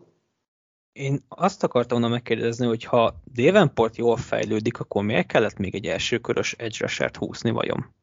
mert szerintem itt inkább az a baj, hogy látták tavaly, hogy Hendrickson milyen évet hoz, hozott, és ezért kellett egy harmadik jó edge is, vagy inkább egy második, mert Davenport lehet, hogy bemozgatják inkább középre, nem tudom, de ugye már róla már alapból azt mondtuk 2018-ban, hogy még éretlen, nagyon sokat kell tanítani. Nem tudom, hogy ez a, ez a Turner húzás, ez, ez, ez melyik irányba teleli őt mondjuk. Hát jó, lehet, igen, ez is egy ö, érdekes kérdés, nem tudom, hogy mit gondoltak ott az a Turner húzással, mert azért talán kicsit messze volt ott még az értékétől, de, de ez most megint egy másik kérdés. Talán, de mondjuk az lehet, hogy akkor Turner több szerepet, kap itt az elején, persze szituációkban, és akkor tényleg, hát szerintem akkor inkább egyébként Cam Jordan megyünk befelé, és, és Davenport a szélen, és akkor ők hárman plusz egy védőfalemberrel rohamozhatnak, gondolom én. Jósoljunk akkor a Saintsre. 5-3 volt a mérlegük egy labda birtoklással eldőlő meccseken, és 3-2 field goal eldőlő meccseken. Tavaly a negyedik legegészségesebbek voltak, két éve a nyolcadikak, úgyhogy az is visszaesés prognosztizál, vagy nagyon tudnak valamit. Kicsit átlag feletti az offense és a defense sorsolás nehézsége is. Az utóbbi négy évben egyébként mindig overt sikerült összehozniuk, tehát túl teljesítették az elvárásokat, átlag kettő és fél győzelemmel. Így kérdezem akkor Patrikot először, hogy a nyolc és feles határoz mit szól. Itt azért, hogyha jól vettem ki a beszélgetésénket, akkor inkább jóval több kérdőjelet és bizonytalanságot fogalmaztunk meg, és ez sajnos a fejemben is így van velük kapcsolatban, úgyhogy under. Chester? Én ott ragadnám meg, amit Patrik mondott még az offense-nél, hogy szerintem ennek a csapatnak nagyon jól fog állni, hogy most már lekerült róluk az a nyomás, hogy de gyűrűk kell, mert Breeze, meg mit tudom én mi. Most nem lesz rajtuk akkora nyomás, és ez szerintem nagyon jót fog tenni ennek a csapatnak. Így, hogy Winston lett a kezdő, én ma írtam át a tippemet overre, úgyhogy ehhez tartom magam. Én mondtam olyat a Discordon a napokban, hogy Winston a play vezeti a saints úgyhogy, úgyhogy ez nálam is overt jelent. Így szerintem az offense jó lesz, a defense is jó lesz, nyilván nem annyira, mint tavaly, hogy erről már beszéltünk, de, de azért nyilván, hogyha a sérülés hullám azért az közbeszólhat, és az talán szénszet jobban érinti, mint, mint egy átlag csapatot, mélységet tekintve, de, de szerintem ez egy, ez egy magas padlóval rendelkező csapat azért összességében, úgyhogy egy pozitív mérleget, mérleget várok, és, és egy wildcard helyezést összességében. Pedig ha van tököd, azt mondtad volna, hogy Winston play vezeti a saints ezért under. Igen, azért annyira az NFC csapatait nem látom rossznak, hogy az úgy, úgy menjen, hogy úgy összejöjjön. Egyébként ugye most nyilván Saints um, kapcsolatos hírek, hát majd amikor hallgatjátok ezt, akkor nem tudom még mi lesz épp a helyzet, de hogy érkezik az Aida hurrikán, ami a Katrinánál is erősebb, és jobban elkapja majd állítólag New orleans úgyhogy könnyen lehet, hogy nem a Superdome-ban látjuk majd a széntet a, az első heti Packers elleni meccsen, vagy, vagy hát meglátjuk milyen, milyen pusztítás lesz ebből, de ez, ez elég félelmetesen hangzik. Megyünk utoljára, akkor lezárva a podcast felvezető sorozatunkat a címvédő Tampa Bay buccaneers -el. A sorsolás erősségük az ötödik legkönnyebb, vagy a sorsolásuk az ötödik legkönnyebb, és még PNA szempontból is előnyös. Az over határ 11 és fél. Offenszben az irányítókat a harmadik helyre helyeztük, a futókat a 22-re, az elkapókat az elsőre, tight a harmadikra, a tekölöket a hetedikre, a belső támadó falembereket pedig az ötödikre.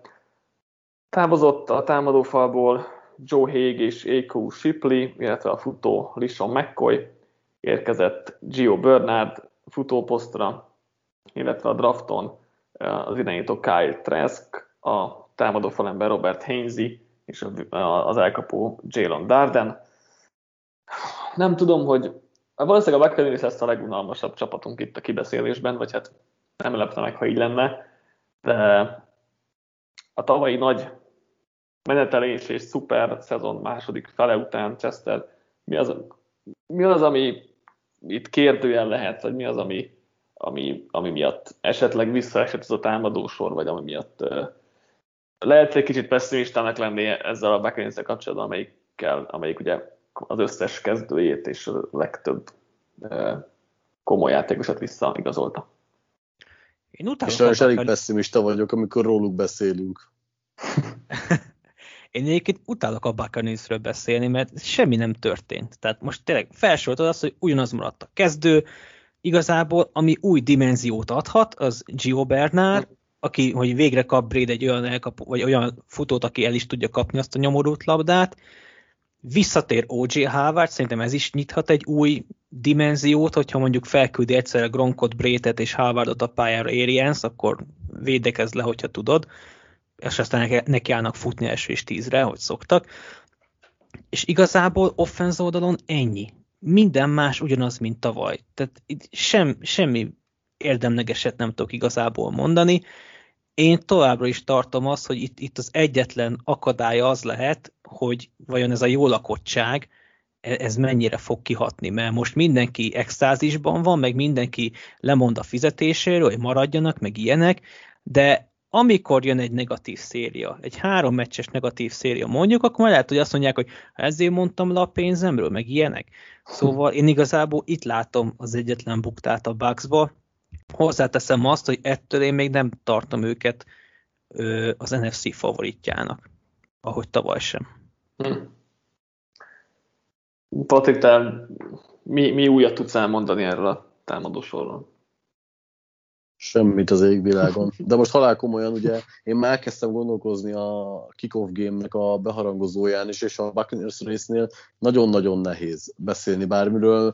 Tulajdonképpen ugye, ami, ami mondani kell náluk, még az is csupa pozitív, mert ez a támadó sor szerintem itt igazából a ritmust az idei második felére, de főleg talán a playoff közelében találta meg, és nem csak azért, mert a formájukat időzítették ekkorra, hanem azért mégis Bredinek egy teljesen új csapatnak a ritmusát kellett fölvennie, az edzőkkel meg kellett találni a, a ritmust. Ugye itt emlékszem, hogy tavaly kb. a szezon feléig mennyit szittuk a Buccaneers rendszerét, hogy egyszerűen nem tudják kamatoztatni Bredinek a pontosságát, meg a, amennyire jól olvassa a játékot, nem jól használják az elkapókat, és hát ez szép lassan azért összetették az idény végére. Most ö, volt még egy plusz off kicsit jobban csiszolódott a kémia, úgyhogy ö, minden nagyon-nagyon jól néz ki. Náluk, ahogy itt felsoroltad a pozíciós rangsort, mindenhol top 10-ben vannak, oké, a, futók, a futószekció nem annyira erős ellenben azért Förnet a playoffban szintén jól nézett ki, és szerintem sokkal fontosabb, hogy a támadófal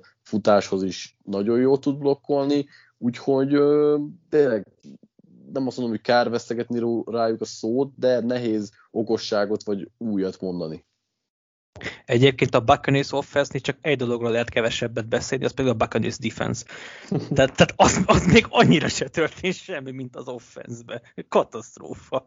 Még mielőtt oda áttérünk, most jó, tök jó átvezetés lett volna egyébként, csak még van egy pár, pár dolgom, amit így felírtam, és gondoltam, Elbasztam hogy... ezt is. Jó, nem, nem, nem lett volna rossz az egyébként, csak nekem van, van egy pár dolog, amit talán nem tudtuk az emberek. Nem tudom, Sárp könyvéből eh, van a legtöbb, van amelyik egyébként Shale Kapadiának a... Például, hogy Brady hétszeres bajnok? Igen, hát azt talán nem tudta senki. Igen, igen, igen. hogy minden, minden kezdő visszatért, azt sem tudja szerintem senki. Szóval egy, egy pár ilyen negatívumot így fel tudok hozni, ami lehet, hogy nem jelent semmit, lehet, hogy jelent, majd, majd az így kiderül. Um, ugye arról beszéltünk tavaly, hogy a bye után mekkorát változott az offense, és akkor feltekerték a play action a motion a pass orientáltságot, mindent. Ez egyébként így is volt, ami viszont ugye érdekes, hogy még így is csak átlagos szinten voltak mondjuk, mondjuk play actionben, tehát még lehet ezt tovább fejleszteni. De a másik, ami érdekes, hogy a, a playoffra viszont megint, megint futásorientáltak lettek. Jött az elsőre futás, és akkor másodikra passz, harmadikra passz, és megoldották legtöbbször harmadikra, de, de azért, ha visszaemlékszünk, akkor azért a, a Super Bowl-ba jutás az viszonylag necces volt. Azért a, a Washington ellen is, meg, meg a Packers ellen is azért, és inkább, leginkább a Packers ellen azért Um, nem működött ez az egész meccsen olyan jól. Um, az is egy érdekes dolog, hogy, hogy uh, futniuk idén is lenne nagyon szabad, mert tavaly a, a bye weekig 0-4 volt a mérlegük top 15-ös futásvédelmek ellen, és idén 10 darab ilyen meccsük is lesz, ami, ami elég durván hangzik, és akkor ha megint esetleg előjön ez a futásorientáltság, akkor, akkor ebből bajba, ebből bajba lehetnek. Um, ugye a Brady a harmadik legkevesebbet volt nyomás alatt tavaly, ellenben a támadófal pass block win tekintve csak a 17 volt, úgyhogy itt van nekik is segített azért, hogy Brady gyorsabban szabadult a labdától. Nem biztos, hogy ez jelent bármit is a jövőre nézve, mert Brady idén is hamar vagy gyorsan fog szabadulni a labdától, főleg ilyen elkapó személyzettel, de talán ez is egy érdekes adalék, meg még egy olyan dolog, ami valószínűleg nem jelent semmit, csak egy érdekes adalék, hogy Brady emberezés ellen az egyik legjobb volt a ligában, zónázás ellen a középmezőnyben volt, és ugyanez igaz single high safety ellen és split safety ellen, tehát hogyha egy safety volt hátul, akkor a második legjobb volt Brady a ligában EPA alapon, ha két safety volt hátul, akkor középmezőny volt, nyomásra sem reagált annyira jó volt, tehát vannak ilyen kisebb gyenge pontok, amik egyébként lehet, hogy csak kis mintából adódnak, de um, lehet, hogy ebből le lehet szűrni valamit, ez most megint egy jó kérdés, és nem tudok rá feltétlen választ adni, de, de a nagy ö, állandóság és, és talán kis tudalmas ö, Buccaneers offense kapcsán, vagy hát nem túl mm, változatos és újszerű dolgok kapcsán talán ezt még így érdemes volt kiemelni, meg azt, hogy az offense az ötödik legnehezebb lesz a sorsolása idén, meglátjuk, hogy ez bármit befolyásol-e. Köszönjük, hogy megmentetted Ugye? ezt a blokkot. nem tudom, bármi, ami, amit így aggodalomra adottokat nektek ezekből, vagy nem? Nem igazán. Jó. Én sem nagyon aggódnék a Buccaneers ugrok helyében, de esetleg, hogyha ha rossz lesz valami, akkor, akkor mondhatom, hogy itt meg, volt, meg voltak a jelek. Menjünk akkor a védelemre. Fesztelsereket az ötödik helyre soroltuk, a belső védőfal embereket a negyedikre, a linebackereket az elsőre, a cornerbackeket a nyolcadikra, safety pedig a tizenkilencedikre. Távozott a safety sorból Andrew Adams és TJ Ward, és a linebacker sorból Dion Buchanan. Érkezett Joe Tryon, mint elsőkörös pass a linebacker között Joseph Jones, a cornerek közé Antonio Hamilton, de ő meg, őt meg pont ma vágták ki, tehát hogy kvázi nem érkezett senki az elsőkörös Joe Tryonon kívül, de itt is visszatért mindenki a Super Bowl nyerő kezdő védelemből, ráadásul még ugye Vita Veával is erősödtek, aki az alapszakaszban nem nagyon lépett pályára. Patrik, mit tudsz elmondani erről a védelemről, ami, ahogy Chester mondta, hasonlóan izgalmas, mint a támadósor volt? Utállak, hogy beállt, itt megemlítetted a végén, mert én azzal készültem, hogy annak ellenére, hogy én is. érkező. A... Akkor jó. De, na szóval beállom, mindenképp akartam beszélni, hogy ő nagyon keveset játszott a tavaly évben, illetve hát a playoffra visszatott részben térni, de hogy amíg ő pályán volt, addig ő a Pestre snapének a nagy részét megnyerte, tehát ő ilyen top 3-ba volt a defensive tekülőket tekintve, illetve még egy dolgot akartam kiemelni, hogy annak ellenére sem volt bajban a Buccaneers, hogy ő nem volt a pályán, mert hát részben ezért nyilván nem komplementari egymásnak, de William Golston többet volt azért a pályán, aki az egyetlen játékos, ezt most valahol olvastam, szintén amikor készültem a kickoff game-re, aki az ESPN pass rush win is, és run stop percentage-ben is a top 10-ben volt. Most nyilván valószínűleg mindegyikben így egyikbe sem volt a top 3-ba vagy 5-be, de hogy mind a kettőben volt, és ez egy nagyon hasznos, hogy mind a, játéknak mind a két elemében ott ott lenni elől, és kvázi részben pótolni vehet. Most mind a ketten ott lesznek, frissen tudják ugye Tryon érkezésében tartani a pesztrást is, úgyhogy Hát rettegem mindenki, aki a Buccaneers védelmével találkozik, mert ezen kívül nyilván a, a cornerek is az év végére nyerték el a valódi formájukat, mert az év elején emlékszem, hogy mind Davis, mind Sean Murphy Bunting, mind pedig uh, Jamal Dean azért szenvedett, most voltak fellángolások, de úgy igazán talán az év végén játszottak jól, csak mind a hárman. Chester, mi lehet itt a gyenge pont ebben a védelemben? Tudom, második számú safety. Szerintem pont az, amit Patrik mondott. Én abban láttam egyébként a Bucksnak így a gyenge pontját, és hogy miért nem gondolom őket verhetetlennek, mert ez a csapat, ez a playoffra állt össze. Addig semmilyen jelét nem mutatták annak, hogy, hogy ez a csapat, sőt ez a védelem, inkább maradjunk ennél, hogy ez a védelem erre lehet képes. Egyszerűen akkor kijött a, a Brady hatás a, a rájátszásra, amikor, amikor mindenki, nem tudom, gumimaci szörpöt iszik, meg spanótot eszik, és akkor verhetetlenek. Én szerintem ez a varázs el fog múlni az alapszakaszra, és akkor halandókból fog állni ez a defense, főleg azért, mert, hogy Patrik is mondta, fiatalokból áll ez az egység, és én azért nem gondolnám azt, hogy mind a négy secondary tagnak ez lesz az állandó teljesítménye, mind az ötnek, szerintem az itt lesznek visszaesések, hogy csak gondoljunk arra, hogy, a, hogy Tyreek Hill is egy negyed alatt csinált nekik 200 yardot, aztán nem tudom, pár héttel, hónappal később meg csinált ellenük 39-et, vagy mennyit. Egyszerűen levették a pályáról. Szerintem ez tarthatatlan, és ez a defense is önmagában, főleg a secondary része szerintem tarthatatlan lesz. Én itt látom a, a gyenge pontot egyébként a Buccaneersnél, főleg, hogy a front seven az meg tele van öreg és sérülékeny játékosokkal, és oké, okay, hogy jött egy elsőkörös edge rusher, de akkor a mélységet én nem látok azért, mert most tavaly is ugye nem volt VEA, cseréltek uh, Jetses nose mindjárt mondom mi a neve. McLendon. McLendon, igen. Köszönöm, de azért ő se, ő se akkor a merítés. Most mondtad Ghoston Patrick, egyébként fingom nem volt róla, hogy ő ilyen jól teljesített a, az advanstatok alapján, de alapesetben ugye ő se látna annyi pályát szerintem bár, bár fene tudja. Szóval Jó, igaz... Ha az a cseres sorot, hogy William Golston, Steve McLendon a, a védőfal közepén, és még ott van egy Rakim Nunez Rogers, akkor az egy valami jó védősor, mert... Jó, hát jó, hát a saints ezek most kezdők lennének, szóval hát, persze. Hát, igen, simán, meg egyébként igen. sok csapatban szerintem. Szóval, szóval igen, ebbe egyetértek, de nem tudom, én valahogy itt látom inkább azt, hogy az öregek vissza fognak esni, a, a fiatalok szintén nem fogják tartani azt az emberfeletti formát, és azért nem lehet mindig azzal meccset nyerni, hogy Devin White-ot elküldött blitzelni, szerintem. Egyébként a, a, annyiban nem értek egyet, vagy hát annyiban se, hogy ez azért előtte is jó volt ez a védelem, tehát ötödik volt összességében DVOA-ban, két éve hatodik, és hát futásánál első volt mind a két évben. Ráadásul tavaly Real nélkül is, úgyhogy azért futni biztos, hogy nem lehet majd ez ellen a defense ellen, és hát passzon is nehéz volt tavaly is, voltak gyengébb meccseik, félideik, félidejeik, mint, mint mondjuk ugye Tyreek Hill féle álmokfutás, de azért összességében elég jó védelmet rakott itt össze Todd Bowles, tehát nem véletlenül beszélünk Todd Bowlesról sem úgy, vagy Todd Bowlesról is úgy, mint a liga egyik legjobb védőkoordinátor, amik hogy ugye főedzőként meg is bukott korábban. Ha az ő rendszerét nézzük, akkor nagyon sok a blitz, tavaly az ötödik legtöbb volt.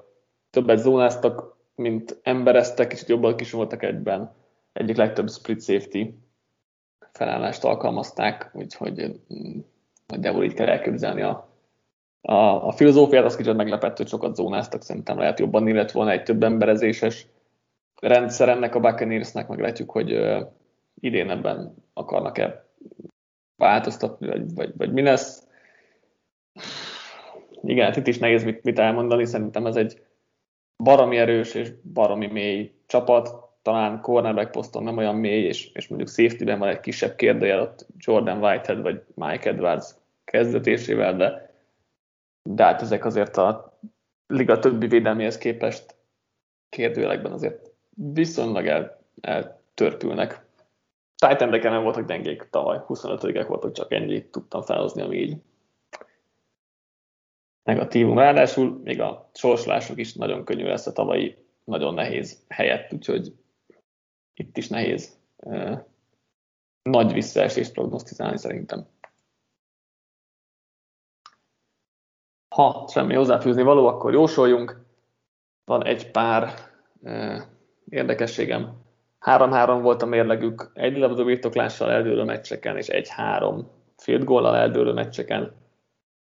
Úgyhogy ez, ez, de nem voltak szerencsések ilyen szempontból, ellenben a legegészségesebb csapat volt tavaly a Buccaneers, két éve másodikak, úgyhogy itt is előjön az a helyzet, hogy vagy nagyon tudnak valamit, vagy idén ez visszaesik, és akkor az, az beüthet. Ötödikek voltak fumble negyedikek voltak turnoverekből szerzett EPA-ben, úgyhogy ez is ebből a szempontból is szerencsések voltak.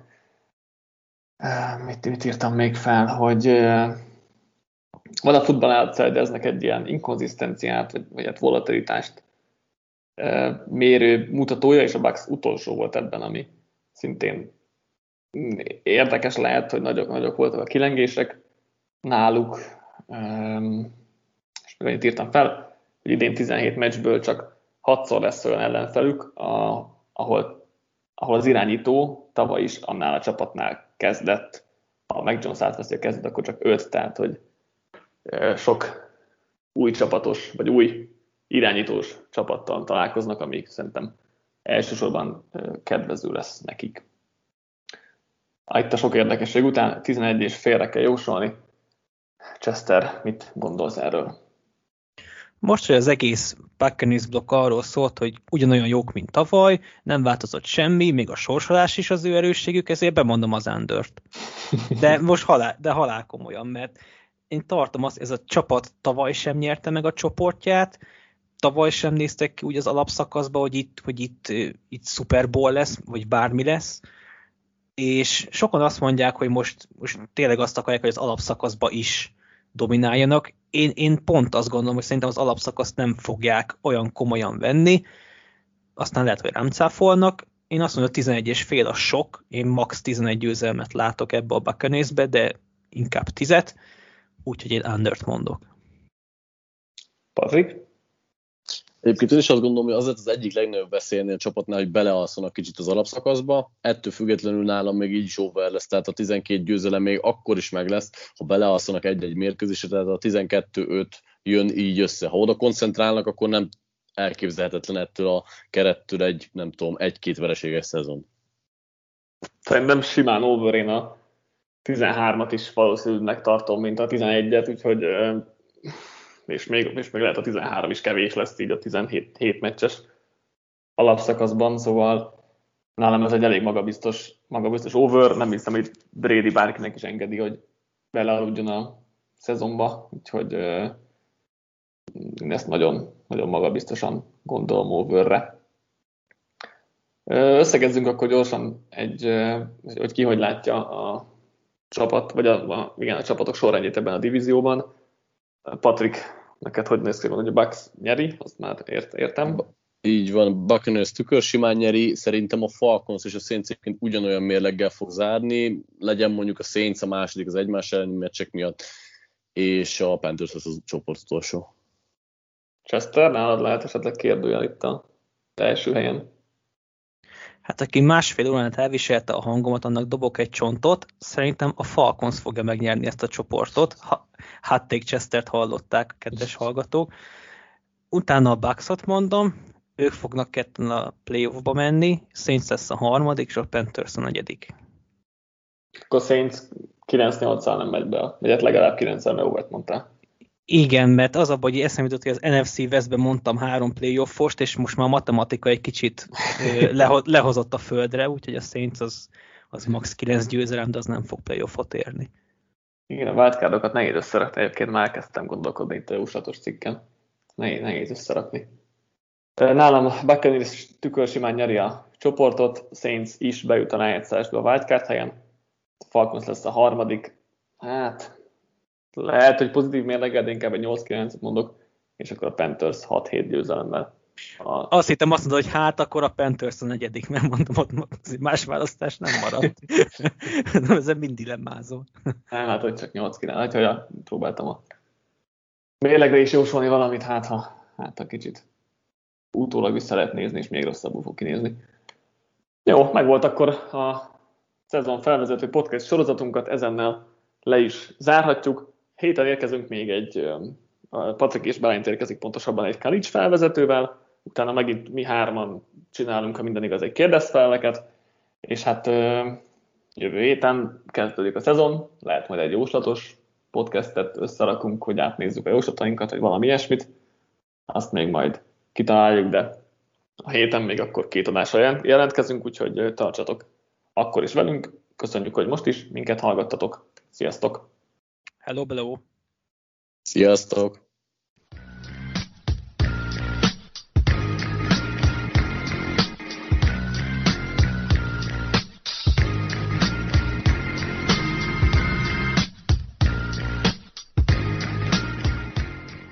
Ha más podcastekre is kíváncsi vagy, hallgassd meg a Béton műsor ajánlóját.